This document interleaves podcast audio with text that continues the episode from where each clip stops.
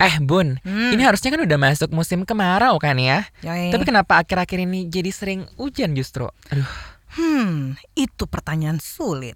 Eh gue tuh ya orangnya kadang susah gitu deh bikin keputusan.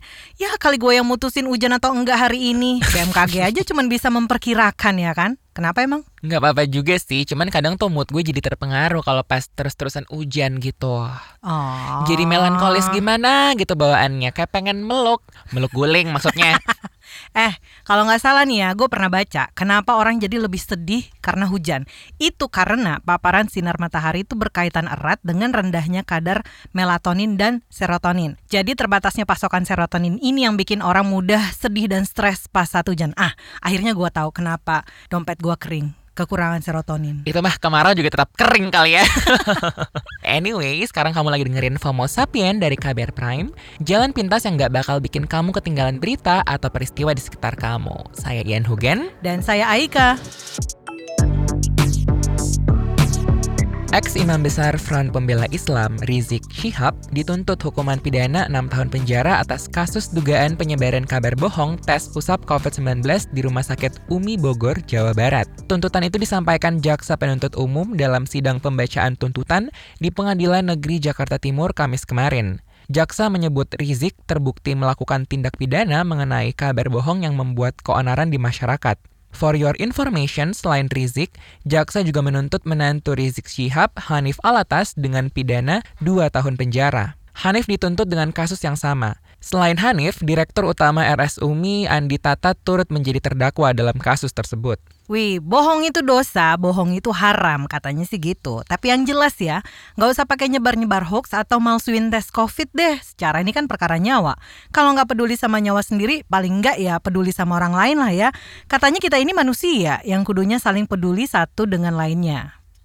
Pemerintah membatalkan pemberangkatan calon jemaah haji tahun ini. Pembatalan pemberangkatan jemaah haji itu berdasarkan keputusan Menteri Agama nomor 660 tahun 2021. Menurut Menteri Agama Yakut Kolil Kumas, keputusan itu diambil setelah dilakukan koordinasi dengan berbagai pihak seperti DPR, kementerian dan lembaga negara terkait seperti organisasi keagamaan, asosiasi travel dan sejumlah unsur lainnya. For your information, hingga saat ini pemerintah Arab Saudi tidak kunjung membuka akses haji bagi jemaah luar negeri termasuk Indonesia. Nggak apa-apa dulu kali ya kita tunda untuk sementara daripada nyampai sana terus nggak bisa ibadah karena positif COVID-19 kan lebih berabe lagi, Bon. Eh, ini orang-orang kayaknya udah mulai pada ngantor semua ya. Indikasinya kayak Jakarta udah mulai macet parah gitu. Bener banget sih. Tapi aturannya kan cuma 50-50, Beb. 50-50 gitu. Kantor kita misalnya. Makanya doa aja banyak-banyak. Terus jangan lupa prokes tetap dijalanin. Ya, bukan apa-apa sih gue, cuman khawatir aja. Kan lagi naik nih angka ceronanya. Lagian sih orang dilarang mudik kok malah liburan dibolehin. Lah iya, kudunya kan juga diantisipasi kalau bikin kebijakan gitu. Belum lagi nih ya soal kebijakan work from Bali. Duh, di satu sisi tuh gue paham sih itu buat membantu sektor pariwisata di sana. Cuman ya lagi-lagi, apakah pemerintah siap dengan imbasnya? Kalau jumlah positif COVID-19 di sana makin naik, apa nggak bikin orang-orang makin enggan untuk ke sana gitu? Nah, itu mungkin karena pemerintah tuh kayaknya udah males kali ngasih stimulus ya. Tapi kudunya sih masih jalan tuh stimulus sampai tahun ini. Jumlahnya kan lebih gede dari tahun kemarin. Nah, maka dari itu, si pemerintah tuh sekarang balik lagi menerapkan pemberlakuan pembatasan kegiatan masyarakat atau yang dulu kita kenal tuh dengan PPKM karena peningkatan jumlah kasus COVID-19 tentunya. Lengkapnya seperti apa? Kita langsung aja mending ngobrol sama salah seorang editor dari Newsroom KBR, ada Kakak Nia di sini. Hai Kak Nia. Hai, hai, hai. Nah, gimana nih dengan penerapan pemberlakuan pembatasan kegiatan masyarakat PPKM skala mikro buat yang kesekian kalinya ini? Di sini ada keputusan pemerintah untuk kembali menerapkan pemberlakuan pembatasan kegiatan masyarakat berskala mikro untuk nasional. Jadinya seluruh Indonesia uh, mulai menerapkan ini. Hal itu disampaikan juru bicara Satgas Penanganan COVID-19 Wiku Adhisa Smito. Nantinya PPKM mikro ini yang tadinya hanya beberapa provinsi menjadi nasional dan akan berlaku sampai 14 Juni nanti. Nah, sebelumnya pada Senin lalu Ketua Satgas Penanganan COVID-19 Gani Warsito, beliau ini menggantikan Doni Monardo, kepala Satgas yang pensiun awal bulan ini. Ganip menilai daerah-daerah yang masih lemah dalam penegakan protokol kesehatan maupun protokol kedatangan warga antar daerah. Untuk itu komunikasi, koordinasi, dan kolaborasi antar Satgas pusat dan daerah menjadi faktor penting yang harus diperbaiki. Begitu juga dengan posko-posko PPKM Mikro yang masih harus dioptimalkan keberadaannya. Nah, kira-kira ini ada peningkatan kasus positif corona nggak sih yang cukup tinggi setelah liburan lebaran kemarin? Menteri Kesehatan Budi Gunadi Sadikin memberikan pernyataan soal itu. Ada peningkatan kasus pasca lebaran yang menembus hingga 100 ribu kasus dan perkiraannya bakal terjadi peningkatan di akhir bulan ini gitu. Di satu sisi angka keterisian tempat tidur juga meningkat di beberapa daerah seperti Aceh, Sumatera Barat, Kepulauan Riau, Riau, Jambi, Jawa Tengah, Kalimantan Barat hingga sebagian Sulawesi. Nah, sebagai contoh, Gubernur Jawa Barat Ridwan Kamil menyebut tingkat keterisian tempat tidur di rumah sakit rujukan udah mulai meningkat nih di Jawa Barat gitu. Bahkan ada yang sudah di atas ambang batas tingkat keterisian tempat tidurnya hingga mencapai 70 hingga 90 persen. Ah, ini kan pemerintah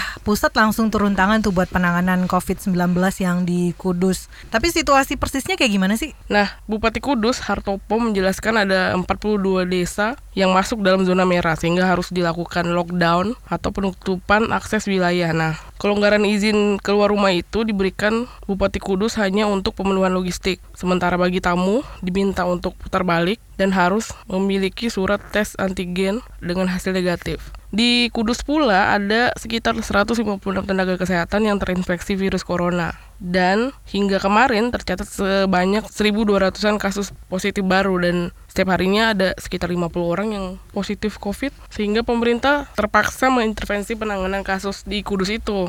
Salah satunya dengan mendirikan rumah sakit lapangan, penambahan tenaga kesehatan dan lainnya. BNPB sendiri juga menambah personil Satgas sebanyak 450 orang. Nah, itu nanti akan melakukan si 3T itu tracing, treatment, dan testing. Nah, semisalnya um, kalau peningkatan kembali terjadi nih, kira-kira um, artinya ada yang kurang tepat nggak sih dengan cara penanganan pemerintah? Si epidemiolog dari Universitas Angga Surabaya, Laura Novika, menjelaskan peningkatan kasus aktif ini menjadi peringatan bagi penanganan pandemi virus corona di Indonesia. Apalagi banyak banget bermunculan kasus baru COVID yang lebih ganas. Laura juga mendorong pemerintah mengevaluasi kebijakan pemberlakuan pembatasan kegiatan masyarakat mikro agar lebih efektif menekan kasus COVID ini. Selain itu, pemerintah juga dinilai masih lemah dalam melakukan testing, tracing, dan treatment itu. Dan epidemiolog berharap pemerintah juga menarik rem pelonggaran atau perizinan keramaian di tempat umum. Sementara kalau epidemiolog dari Griffith University Australia, Diki Budiman menilai Indonesia tengah mengalami silent outbreak atau pandemi senyap. Nah, si Diki itu curiga banyak kasus yang tidak terdeteksi karena tes di Indonesia-nya lemah, seakan-akan tidak ada lonjakan kasus. Di masa silent outbreak atau pandemi senyap ini, bisa kembali terjadi ketika banyak populasi muda, generasi muda kayak kita ini yang tidak terdeteksi tapi terinfeksi COVID-19 sebab beberapa kasus infeksi usia muda tidak bergejala sehingga ketika jumlah tes itu rendah maka tidak banyak yang terdeteksi. Oleh karena itu, Sidiki ini mendorong pemerintah memperbaiki respon penanganan pandemi di setiap level sektor. Karena menurutnya gelombang COVID yang terlalu panjang di Indonesia ini menandakan negara belum bisa mengendalikan pandemi. Epidemiolog juga menyarankan pemerintah menggencarkan kembali tes, tracing, dan treatment atau isolasi mandiri serta meningkatkan cakupan vaksinasi. Dan masyarakat juga didorong untuk terus disiplin menerapkan protokol kesehatan sih. Selain itu, apa aja nih pengejaran redaksi selama sepekan ini? Ya, sejauh ini masih soal KPK pasca pemberhentian 51 pegawai yang tidak lolos tes wawasan kebangsaan. Kemudian ada investigasi Ombudsman dan Komnas HAM terkait KPK tadi. Kemudian redaksi juga mengejar kebocoran data BPJS Kesehatan masih terkait COVID-19, penyerapan anggaran pemulihan ekonomi yang masih rendah dari 700 triliun yang terserap masih sekitar 23 persennya aja. Coy, Hmm, kali ini coy nih bukan Bun. Gue mau main tebak-tebakan ya malah. wih, tumben. Ada angin apa loh? Tiba-tiba ngajak main tebak-tebakan. Masuk angin, Bun.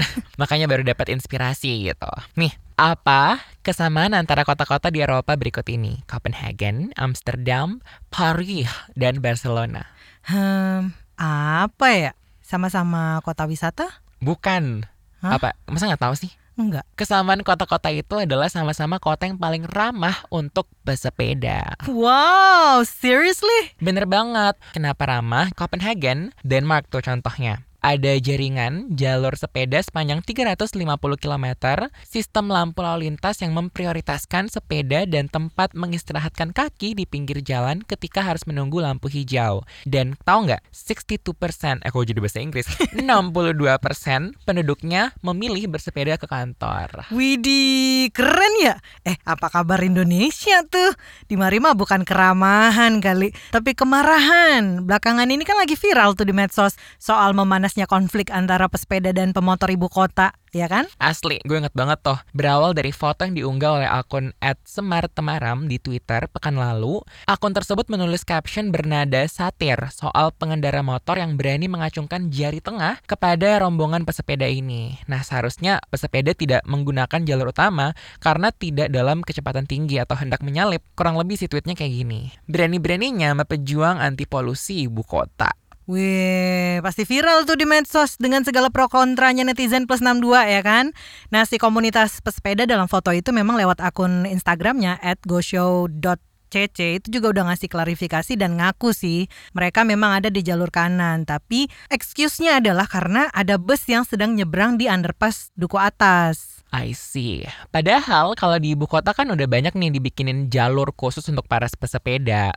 Gue salut sih sama pesepeda yang sangat membantu mengurangi polusi di ibu kota. Tapi di sisi lain tuh gue juga bener-bener bisa relate sama si bapak-bapak pemotor itu. Sebel aja, soalnya, duh gimana ya, mereka kan punya jalur masing-masing, tapi tetap tetap aja nyerobot jalur yang gak seharusnya. Ya walaupun juga kadang pemotor nih um, nyerobot jalur pesepeda Bahkan yang paling gokilnya jalur busway, ya nggak? Eh itu mah mobil juga kali. Kan nggak jarang tuh mobil juga nyerobot yang bukan jalurnya. Ya kalau semuanya aja serba saling berusaha jadi raja jalanan sih menurut gue masalahnya nggak bakal kelar-kelar ya. Dan please remember, ini bukan masalah di ibu kota aja.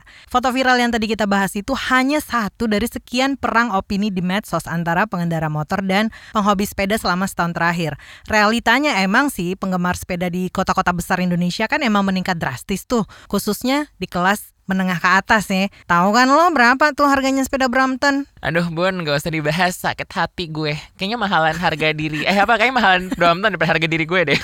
anyway, tapi bener banget nih kata lo tadi. Datanya jumlah pesepeda di Indonesia nih naik 1000% terhitung dari awal PSBB pertengahan 2020.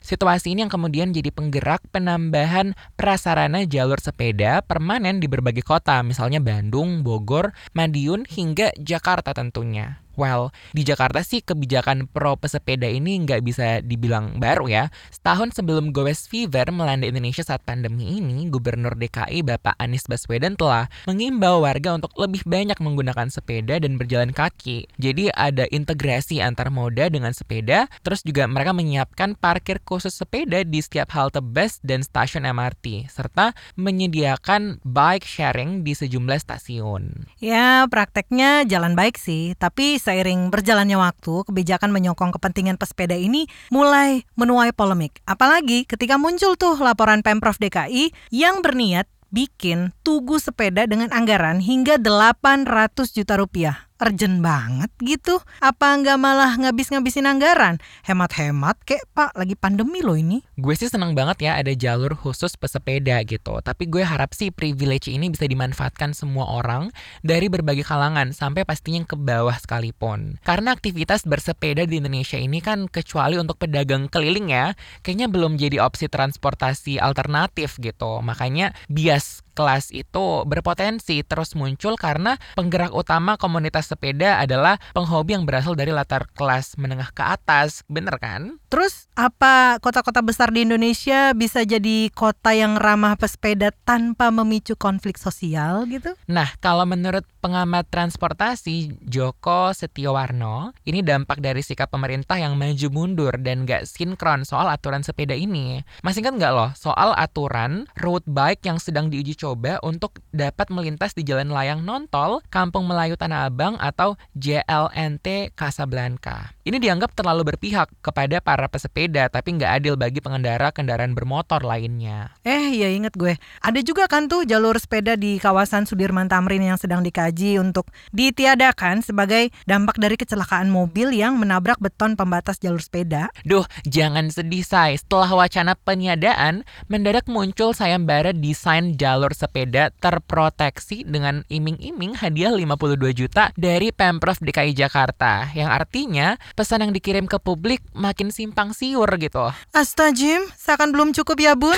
Asli. Ini, ya kan? Ini Polda Metro Jaya dan Dinas Perhubungan DKI akhirnya mengizinkan rombongan pesepeda road bike untuk melintas di luar jalur pesepeda alias jalur kanan dari jam 5 pagi sampai jam 6.30 pagi tuh. Ini demi ngasih ruang kepada pengguna sepeda yang tujuannya sport alias olahraga loh ya. Ini menurut Polda Metro sih sebagai win-win solution gitu. Tunggu tunggu tunggu dulu nih Hayati. Win-win solutionnya nih buat saha iya gitu. Kok yang sport bikers aja? Ya kali abang-abang Starling ngayuh sepeda untuk sport. Kesannya eksklusif banget gitu. Kalau mereka udah punya sport bike, mereka udah nggak jadi abang-abang Iya Starling, kan? Bun. Aduh sebel deh ini kayaknya biar nggak labil ya Bapak Ibu pemangku kebijakan transportasi ini kayaknya perlu goes dulu deh sampai Copenhagen, Paris dan Amsterdam tadi ya kan biar sekalian study tour Fix kalau nggak pandemi mereka udah berangkat nih kayaknya. ember. Babs lagi suka nonton apa loh? These days, hmm, kayaknya apa aja sih yang lagi trending di Netflix? TV gimana TV udah nggak nonton lagi? Enggak, emang masih ada yang bagus acaranya gitu. Eh belakangan ini kan lagi rame tuh salah satu sinetron di TV Indonesia. Apa tuh Ikatan Cinta, Mas Al? Aduh, hits banget ya itu Ikatan Cinta. Tapi sinetron yang ini bukan rame karena bagus, Bun. Duh, bau-baunya nih gue udah harus siap-siap nahan emosi lagi nih kayaknya nih. Lo bawa kan obat darah tingginya? Kurang ajar, siap. ada apa nih?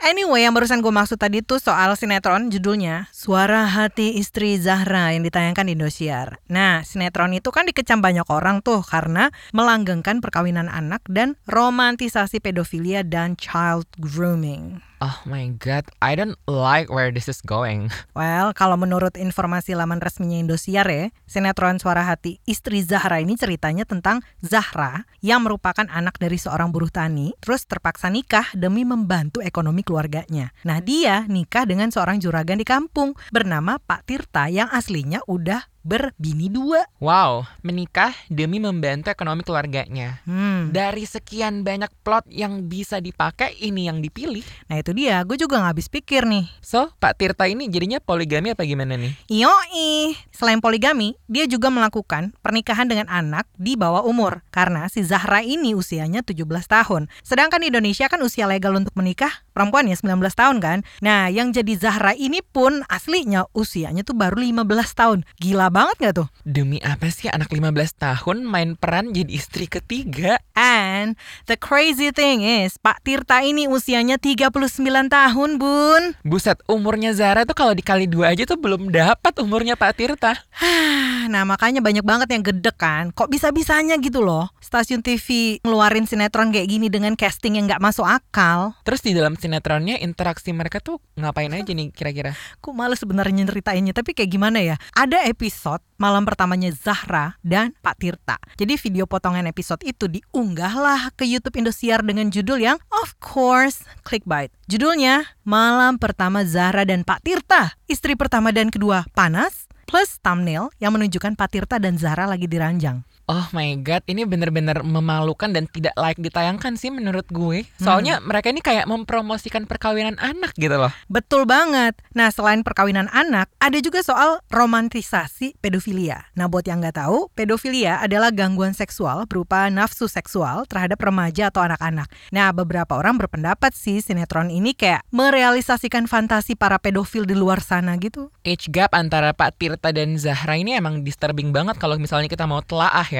Zahranya kan 17 tahun, Pak Tirtanya ini 39 tahun. Duh, tapi tadi soal child grooming maksudnya gimana tuh, Bun? Nah, child grooming tuh kayak manipulasi yang dilakukan orang dewasa terhadap anak atau remaja demi tujuan seksual. Gue sih takutnya orang-orang tuh jadi menormalisasi hubungan kayak Zahra dan Pak Tirta ini, padahal anak di bawah umur itu kan belum ngerti tuh apa artinya consent. Yang bisa berakibat pelecehan dan kekerasan seksual. I agree. Nah, Koalisi Masyarakat Sipil Anti Kekerasan Seksual Kompak turut mengecam sinetron Suara Hati Istri ini. Kalau menurut mereka, tayangan ini melanggar pedoman perilaku penyiaran dan standar program siaran atau P3SPS pasal 14 ayat 2 mengenai perlindungan anak yang bunyinya kayak gini. Lembaga penyiaran wajib memperhatikan kepentingan anak dalam setiap aspek produksi siaran. Tuh. Nah, ini makanya apa pentingnya buat anak, Mali? Penting buat rating, Bun. Terus-terus si Kompas ngomong apa lagi? Nah, mereka juga nuntut nih Komisi Penyiaran Indonesia KPI untuk memberhentikan sementara tayangan itu, terus kasih sanksi yang berat buat rumah produksi dan juga jaringan penyiar Indosiar. Mereka juga meminta Komisi Perlindungan Anak Indonesia KPAI untuk menginvestigasi tayangan itu dan memberikan perlindungan terhadap aktris anak yang terlibat itu. Nah, tuh. Eh, tapi sebenarnya ya, di Indonesia pernikahan anak itu udah ada sejak dulu, ya nggak sih? Baik dari cerita, film, sinetron, hingga kasus nyata. Kalau dulu tuh apa ya? Lo masih inget ini nggak Siti Nurbaya? Eh iya iya inget-inget. Menurut gue sinetron Indosiar yang tadi kita bahas itu plotnya ya rada mirip sama Siti Nurbaya. Ada kondisi keluarga yang memaksa anak perempuannya untuk menikah dengan laki-laki yang mapan EKE udah bawa tanah gitu. Eh tapi ya Siti Nurbaya tuh dirilisnya tahun 1922. Kalau di 2021 plot kayak gini masih dipakai kan kebangetan. Bener banget sih, tapi gimana ya? Emang nggak bisa dipungkiri juga Indonesia tuh deket banget sama isu perkawinan anak. Makanya sinetron kayak Suara Hati Istri meski ada yang mengencam, tapi ada juga yang menikmati. Di tahun 2001 kan juga ada sinetron tuh Agnes Monica dan Syahrul Gunawan yang judulnya Pernikahan Dini. Kalau ini sih lebih ke MBA ya, alias Married by Accident atau pernikahan yang terpaksa akibat hamidun di luar nikah. Oh iya iya iya sama kayak film Dua Garis Biru tuh yang hits kan filmnya tahun 2019. Kita tahu-tahu aja ya. Ember. Emang banyak banget sih di Indonesia tuh ya. Ingat juga nggak tuh kasusnya Siek Puji yang menikahi anak umur 12 tahun sampai akhirnya di penjara? Itu mah booming banget girls kalau nggak tahu ya nggak mungkin gitu orang Indonesia.